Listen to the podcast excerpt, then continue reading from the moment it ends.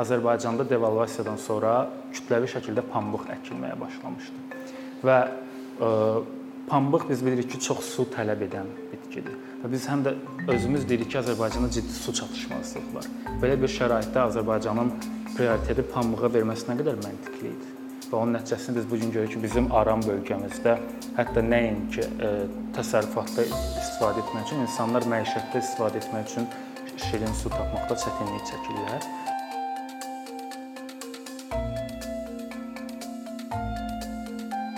Bu gün qiymət artımlarından danışacağıq.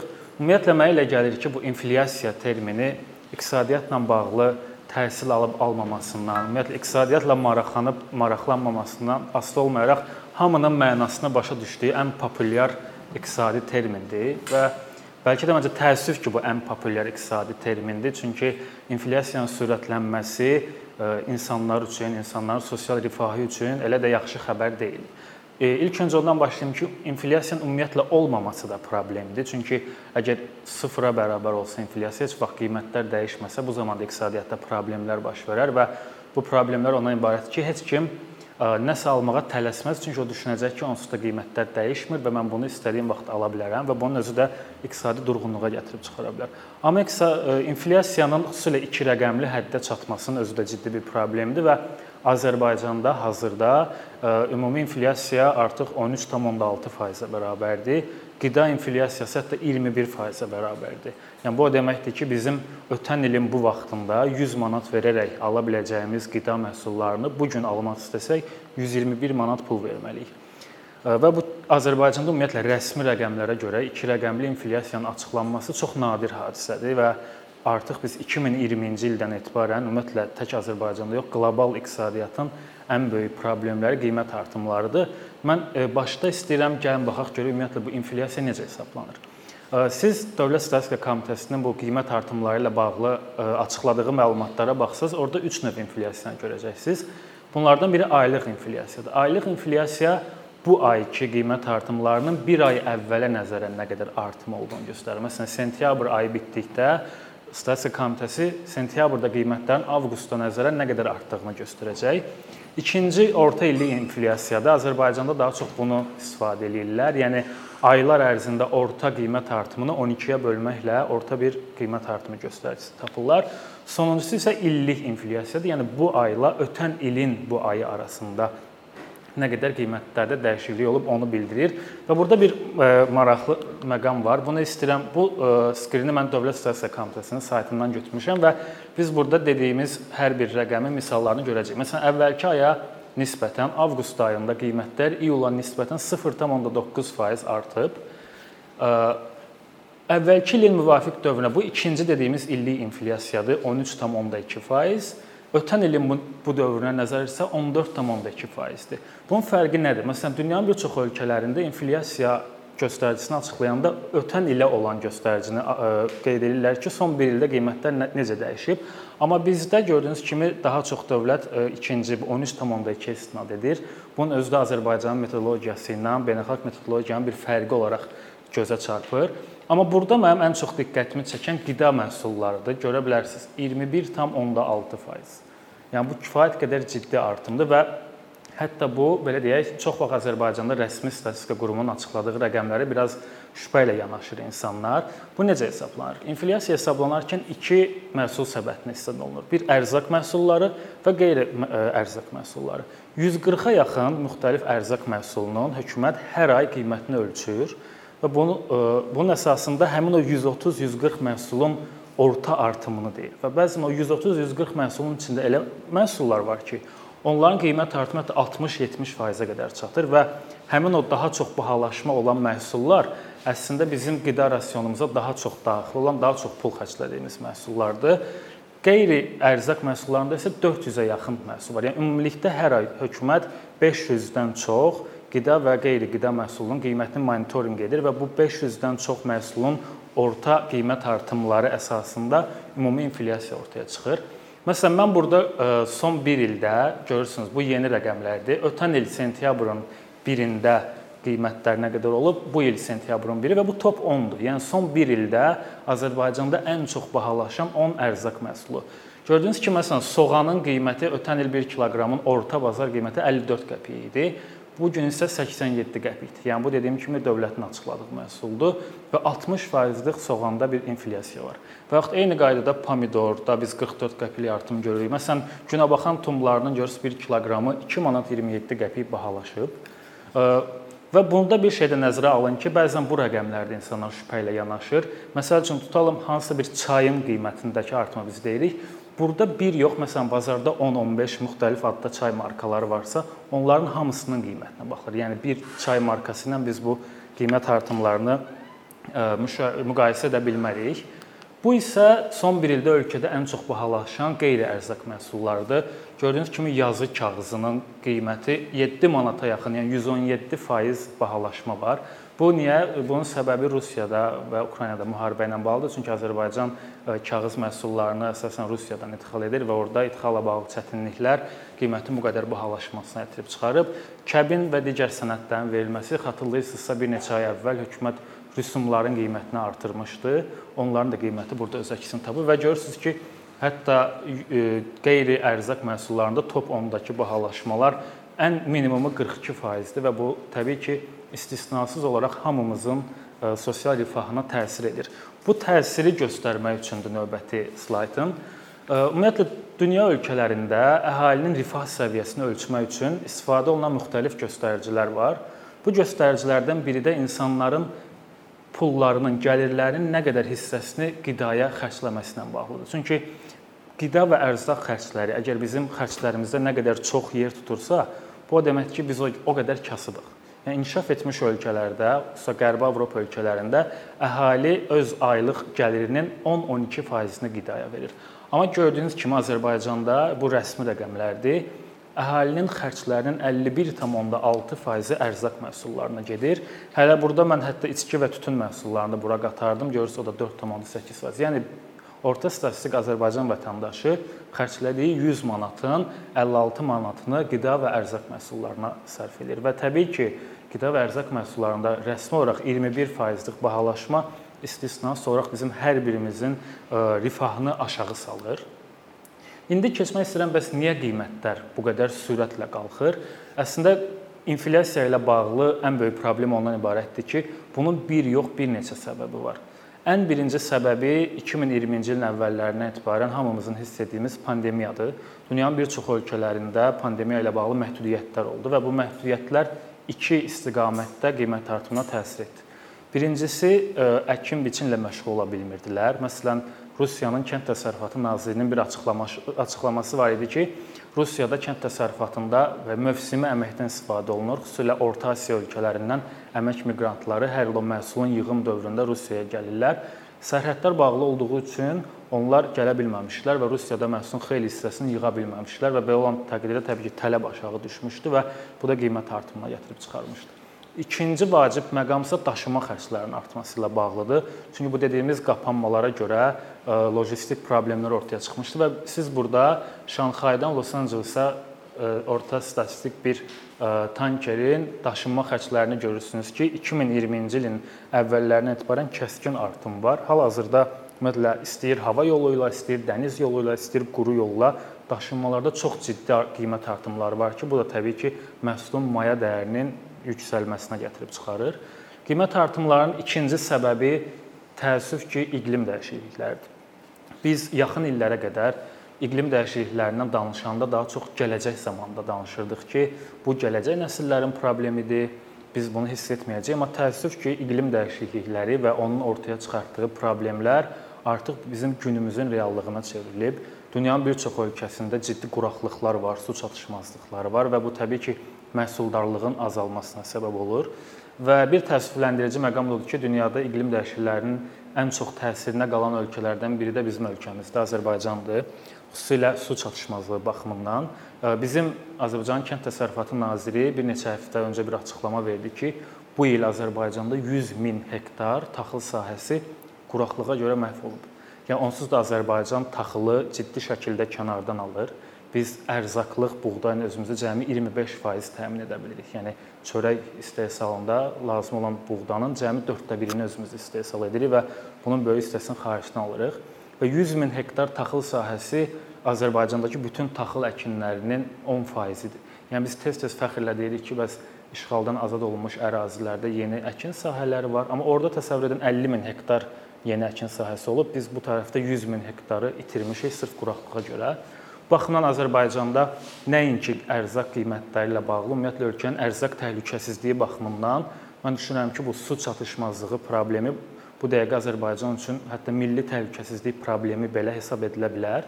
Çünki yenə ə, rəsmi qurumların açıqladığı rəqəmə görə Azərbaycanda ə, fermerlərin, təsərrüfatların cəmi 5%-i müasir suvarma sistemlərindən istifadə edir. Təsəvvür edin, onsuz da bizim su çatışmazlığımız var və bunu qənaətlə istifadə etməliyik. Amma edə bilmirik çünki cəmi 5%-ində bu damcı və digər müasir innovativ həllər istifadə olunur. Eyni zamanda Azərbaycanda suyun 3də 1-i, rəsmi rəqəmlərə görə 3də 1-i itkiyə gedir. Yəni bu da Azərbaycanda vəziyyəti çətinləşdirir və dediyim bu iqlim dəyişiklikləri ilə bağlı ortaya çıxan problemlər də qiymət artımına ciddi təsir edir. Üçüncü vacib təsir Rusiya-Ukrayna müharibəsi ilə bağlıdır. Çünki hər iki ölkə dünyada kənd təsərrüfatı bazarında çox mühüm yer tutur və təəssüf ki, Rusiyanın Ukraynaya hücumu tək hərbi obyektləri hədəfləməmişdi. Rusiya Ukraynada həm də mülki infrastruktura zərbə vurur və Ukraynada xüsusilə taxıl böhranına gətirib çıxaracaq bir vəziyyət yaranmışdı və Azərbaycanın idxalda e, ən çox idxal həyata keçirdiyi ölkə Rusiyadır. E, bu baxımdan həmin ölkələrə sanksiyaların qoyulması və ümumiyyətlə bəzən Ukraynada ümumiyyətlə logistik fəaliyyət demək olar ki, dayanıb, oradan məhsul çıxarda bilmirlər. Rusiya özü məhdudiyyətlər qoyub, çünki ona sanksiyalar var və belə şəraitdə təbii ki, bütün dünya bazarlarında qiymət artımları arta-arta davam edir. Biz ilkin mərhələdə baxdıq ki, inflyasiya nədir, necə hesablanır və bunun səbəbləri nədir? İndi isə bunu necə aradan qaldırmaq olar? Bura fokuslanmaq istəyirik, istəyirəm. İnflyasiya hal-hazırda ölkədə, mətbuatda daim müzakirə olunan bir məsələdir və iqtisadçılar buna qısa müddətli perspektivdə və uzun müddətli perspektivdə müxtəlif təkliflər verə bilərlər. Məsələn, qısa müddətli perspektivdə nə edə bilərik? Ağla ilk gələn ərzaq məhsullarına tətbiq edilən gömrük və vergi rüsumlarının azaldılmasıdır. Çünki Azərbaycan e, beynəlxalq təşkilatların araşdırmasına görə ən yüksək gömrük rüsumu tətbiq edən ölkələrdən biridir və təbii ki, Azərbaycan həm də böyük həcmdə qida məhsulunu xaricdən idxal etdiyi üçün Onsuz da qiymətlər xaricdə bahadır və biz də onun üzərinə gömrük rüsumları qoyuruq. Bu daha da bahalaşır. Bu baxımdan düşünürəm ki, əgər hökumət ən azı müəyyən bir müddət üçün gömrük rüsumlarını və yaxud əlavə dəyər vergisini, digər vergiləri azaltsa və ümumiyyətlə dondursa, bu müəyyən qədər ə, ərzaq qiymətlərinin formalaşmasına təsir edə bilər. Burada bir vacib məqam da var. Yəqin siz mətbuatda görmüsüz, bizim gömrük orqanları və vergi orqanlarının rəsmiləri tez-tez fəxrlə belə açıqlamalar verirlər ki, biz proqnozdan 100 milyon çox vergi topladıq, biz proqnozdan yarım milyard çox gömrük e, ödənişləri topladıq. Və əslində onların e, ritorikasından belə başa düşürük ki, sanki onlar əlavə hansı işlər görüblər. Amma Hesablama Palatası, yenə dövlətin başqa bir qurumu rəsmi açıqlayıb ki, ötən il məsələn gömrük orqanı 4 milyard 400 milyon manata yaxın gömrük ödənişi alıb. Bunun 650 milyon manatı sırf qiymət artımına görə formalaşıb. Çünki gömrük tarifləri standart deyil, idxal olunan məhsulun dəyərinə nəzərən hesablanır və onsuz da biz nəzərdə tutduğumuzdan çox ödəniş yığırıq. Çünki bu məhsulların qiyməti qalxır. Buna o baxımdan deyirəm ki, hökumət heç bir itkiyə getmədən sırf o proqnozdan artıq yığdığı vergi və gömrük rüsumlarını azaldaraq qiymət dəyişikliklərinə ciddi təsir imkanlarına malikdir. Amma digər tərəfdən artıq e, beynəlxalq qurumlar, beynəlxalq təşkilatlar Bütün dünyada dediyimiz kimi bu qiymət artımları problemidir və onlar həllər təklif edirlər. Son dövrlərdə bir çox beynəlxalq təşkilatlar artıq hökumətlərə onu tövsiyə eləyir ki, siz qiymətlərin aşağı düşməsinə çalışmayın. Artıq bu daha çətindir. Nəinki insanların gəlirini artırmağa çalışın ki, onlar bu qiymət artımlarının mənfi təsirlərindən yaxa qurtara bilsinlər. Bu baxımdan mən hazırda düşünürəm ki, qiymət artımlarının təsirlərini azaltmaq üçün ən effektiv iqtisadi siyasət insanların gəlirini artırmağa kömək etməkdir. Amma Azərbaycan nümunəsində bunun özü də çətindir. Hətta hökumət bunu səmimi olaraq istəsə belə ki, insanların sosial rifahı artsın, Bunun qarşısında ciddi əngəllər var. Bu ciddi əngəllərdən biri Azərbaycanda kölgə iqtisadiyyatının və qeyri-rəsmi məşğulluğun çox böyük olmasıdır. Çünki təsəvvür edin Azərbaycanda 5 milyon 300 min iqtisadi fəal əhali var. İqtisadi fəal əhali 16-65 yaş arası təhsil almayan, əlilliyi olmayan, yəni işləməyə hazır adamlardır. Bu 5 milyon 300 min nəfərin cəmi 1 milyon 700 mini əmək müqaviləsi ilə işləyir. Yəni normalda bu tip sosial addımlar rəsmi iş yeri olan adamlara edilə bilər. Çünki onların rəsmi gəlirlərini hökumət görür və həmin gəlirlərə nəzərən qərarlar qəbul edə bilər. Bizdə qeyri-rəsmi insanlar çoxdur və hətta əmək müqaviləsi ilə işləyən, rəsmi işləyən insanların belə bəzi hallarda real gəlirini biz görə bilmirik. Çünki onlar rəsmi olaraq başqa əmək haqqı alırlar, həm də qeyri-rəsmi alırlar. Bu baxımdan mən düşünürəm ki, əgər Azərbaycan doğrudan da effektiv sosial müdafiə mexanizmləri inkişaf etdirmək istəyirsə, ilk növbədə bu kölgə iqtisadiyyatının qeyri-rəsmi məşğulluğun qarşısını almalıdır. Və bu problem də niyə ortaya çıxır? Buna getməli. Çünki vergi sistemi və digər gömrük sistemi bu insanları məcbur edir ki, qeyri-rəsmi formada işləsinlər. Yəni əslində bu bizim sosial iqtisadi siyasətin qarşısında duran əngəllər kiçik məsələlər deyil. Bu ümumi strukturdakı yanaşma tərzində dəyişiklikləri gərəkdirən problemlərdir. Yəni ümumiyyətlə bu qeyri-rəsmi iqtisadiyyata, kölgə iqtisadiyyata son vermədən heç bir halda hökumət effektiv sosial müdafiə siyasəti qura bilməz. Qiymət artımlarına təsir edə bilən digər amil bazarda rəqabətin olmasıdır. Siz yəqin ki, hökumət rəsmilərinin tez-tez açıqlamasını eşidirsiniz. Onlar qiymət artımlarını çox vaxt süni qiymət artımı adlandırırlar və iddia edirlər ki, bazardakı bəzi işbazlar qiymətləri bilərəkdən artırırlar. Mən bunu birinci iqtisadi olaraq bunlar razı deyiləm. Niyə? Çünki 2021-ci ilin hətta ilk iş günündə Azərbaycanda enerji qiymətləri artmışdı. Dizel qiymətləri artdı, benzin qiymətləri artdı, işıq, su, bütün kommunal xərclər artdı və təbii ki, xüsusilə dizel qiymətləri kənd təsərrüfatı məhsul e, texnikalarının işləməsinə çox istifadə edir. Yəni bazarda hər şeyin qiymətinin artdığı bir təqdirdə həmin o məhsulu istehsal edən fermerlərin təbii ki, xərci artır və o da məcburdur ki, qiymətləri artırsın. Və bu ərzaq məsələsində tez-tez arqument kimi istifadə olunan bir məsələ də var. Bəzi e, insanlar iddia edir ki, əgər biz hər şeyi özümüz e, istehsal etsəydik, bizdə qiymət artımları olmazdı. Amma bu da məncə total yanlışdır. Biz gördük, məsələn, qida məhsullarında ən çox pomidor, soğan bahalaşmışdı və hər ikisi yerli istehsaldır. Yəni yerli istehsalın təbii ki, çox olması yaxşıdır. Nə baxımdan? Ərzaq təhlükəsizliyi baxımından. Çünki dünyada son dövrlər e, qlobal böhranlar, müharibələr var və belə olan təqdirdə insan digər ölkələrdə istehsal etdikləri məhsulları satmaqda maraqlı olmurlar. Çünki düşünürlər ki, növbəti günlərdə onlar da problem yaşaya bilərlər və öz ehtiyatlarını artırırlar. Hə, belə olan təqdirdə bizim daxili istehsalımız artırsa, bizim xaricdən asılılığımız azalır. Amma bu o demək deyil ki, e, biz özümüz o məhsulu istehsal etsək, o qiymət o, o məhsulun qiyməti artmayacaq. Niyə? Çünki iqtisadiyyatda qiymətin formalaşmasının bir dəyər zənciri var. Yəni ola bilər ki, bu pomidor Azərbaycanda yetişir. Amma pomidorun gübrəsini biz xaricdən alırıq. O pomidorun toxumunu xaricdən alırıq. O pomidora qulluq etdiyimiz kənd təsərrüfatı texnikasını xaricdən alırıq. Hətta bəzi hallarda mütəxəssisləri xaricdən gətiririk. Yəni belə olan təqdirdə əgər biz özümüz bütün o əlavə dəyər yaradan prosesi öz ölkəmizdə eləyə bilmiriksə, istənilən halda biz idxaldan asılı olacağıq. Bu məsələnin bir tərəfi.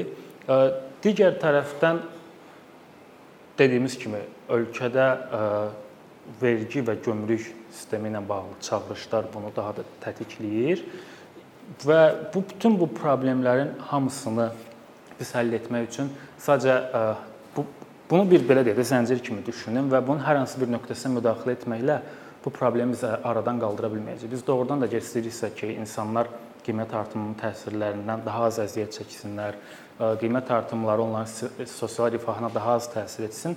Bu kompleks yanaşma olmalıdır.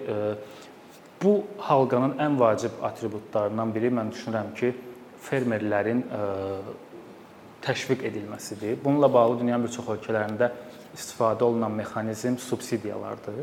Amma Azərbaycanda da diqqət etsəz, son illərdə görürük ki, hökumət bir axtarış içindədir. Hər 2-3 ildən bir ölkədə subsidiya mexanizmləri dəyişdirilir və bunu biz digər sahələrdə aid edə bilərik. Baxma mən düşünürəm ki, vahid bir yol xəritəsi olmalıdır. Yəni hər 2 ildən bir biz bu laboratoriya deyil də yaxşı qərarlar qəbul edilməlidir. Bu yaxşı qərarlar necə qəbul edilməlidir? Burada iştirakçılıqla vətəndaş cəmiyyəti, müstəqil ekspertlər bunların o qərarların qəbulunda iştirakçılığını təmin etmək lazımdır. Məsələn, son illərdə biz çox buna yaxşı bir misal var. Azərbaycanda devalvasiyadan sonra kütləvi şəkildə pambıq əkilməyə başlamışdı. Və ə, pambıq biz bilirik ki, çox su tələb edən bitkidir. Və biz həm də özümüz deyirik ki, Azərbaycanda ciddi su çatışmazlığı var. Belə bir şəraitdə Azərbaycanın prioriteti pambığa verməsi nə qədər məntiqli idi. Və onun nəticəsində biz bu gün görürük ki, bizim Aran bölgəmizdə hətta nəinki e, təsərrüfatda istifadə etmək üçün, insanlar məişətdə istifadə etmək üçün şirin su tapmaqda çətinlik çəkirlər. E, bu baxımdan biraz çox pessimist olmaq istəməzdim. Təbii ki, Azərbaycanda ciddi çağırışlar var, amma bu həll olmayacaq məsələlər deyil. Dediyim kimi kompleks yanaşma tələb edir. İlk növbədə ölkədə rəqabətin yaradılması vacibdir. Məsələn, biz qiymət artımlarından danışanda tez-tez nəyi misal çəkirik? Son dövrlər son 4-5 ildə Azərbaycanda taksi şirkətləri bazarda e, fəaliyyət göstərir. Ölkədə bir neçə dəfə həmin müddətdə e, yanacaq qiymətləri artıb, amma taksi qiymətlərində bir o qədər ciddi artım görmürük. Niyə? Çünki bazarda rəqabət var. Və bayaq əslində onu qeyd etmək istəyirdim ki, hökumət tez-tez deyir ki, süni qiymət artımları var. Amma bazar iqtisadiyyatında süni qiymət artımı olmur. Süni qiymət artımı o, o bazarda olur ki, orada monopoliya var, orada rəqabət yoxdur. Çünki təsəvvür edin ki, siz bir məhsulun istehsalçısınız və bir gün deyirsiniz ki, mən bu məhsulu artıq 5 manata yox, 10 manata satacağam. Əgər o bazarda rəqabət olsa, həmin adam başa düşər ki, mən 10 manata satmaqla deyil də, bazarda məndən başqa da bu məhsulu satanlar var və insanlar gedib 5 manata oradan ala bilərlər. Amma Azərbaycanda bir çox sektorda bu rəqabət yoxdur məhsul bazarda iştirakçı sayı çox azdır. Ona görə də rahatlıqla qiymətləri təyin edə bilir. Ona görə də süni qiymət artımı iqtisadiyyatın problemidir, vətəndaşların problemi deyil. Bu problemin həlli üçün də dediyim kimi Azərbaycan iqtisadiyyatı liberallaşmalıdır, bazara sərbəst şəkildə girməlidir. Biznesmenlər eyni zamanda xarici kapitalın Azərbaycana girişini asanlaşdırmaq lazımdır və ə, e, qısaca icmalını desək, hal-hazırda qiymət artımları ilə bağlı ölkədə vəziyyət bundan ibarətdir ki, qiymətlər çox kəskin artır. İnflyasiya hətta rəsmi rəqəmlərə görə qida inflyasiyası 21%dir, hansı ki bizim xərclərimizin 55%-ni qida məhsulları təşkil edir və hətta bəzi-bəzi qida məhsullarında bu artım 60-70%-ə bərabərdir. Bunun səbəbləri bir deyil, birdən çoxdur və bu səbəbləri aradan qaldırmaqla qısa müddətli şəkildə həll etmək istəyiriksə biz vergilər və gömrük rüsumlarını azaldaraq buna təsir edə bilərik, amma bu heç bir halda dayanıqlı həll olmayacaq və mənim düşüncəmə görə əgər biz bazarda sabit ən azı daha az, daha aşağı artan templə inflyasiyanı idarə etmək istəyirsə, mütləq şəkildə bizim bazarda bu kölgə iqtisadiyyatı, qeyri-rəsmi məşğulluq, məmur sahibkarlığı kimi tendensiyalar aradan qaldırılmalıdır. Bunlar olmadığı müddətcə bu problemin də dayanıqlı həlli mümkün deyil. Sağ olun.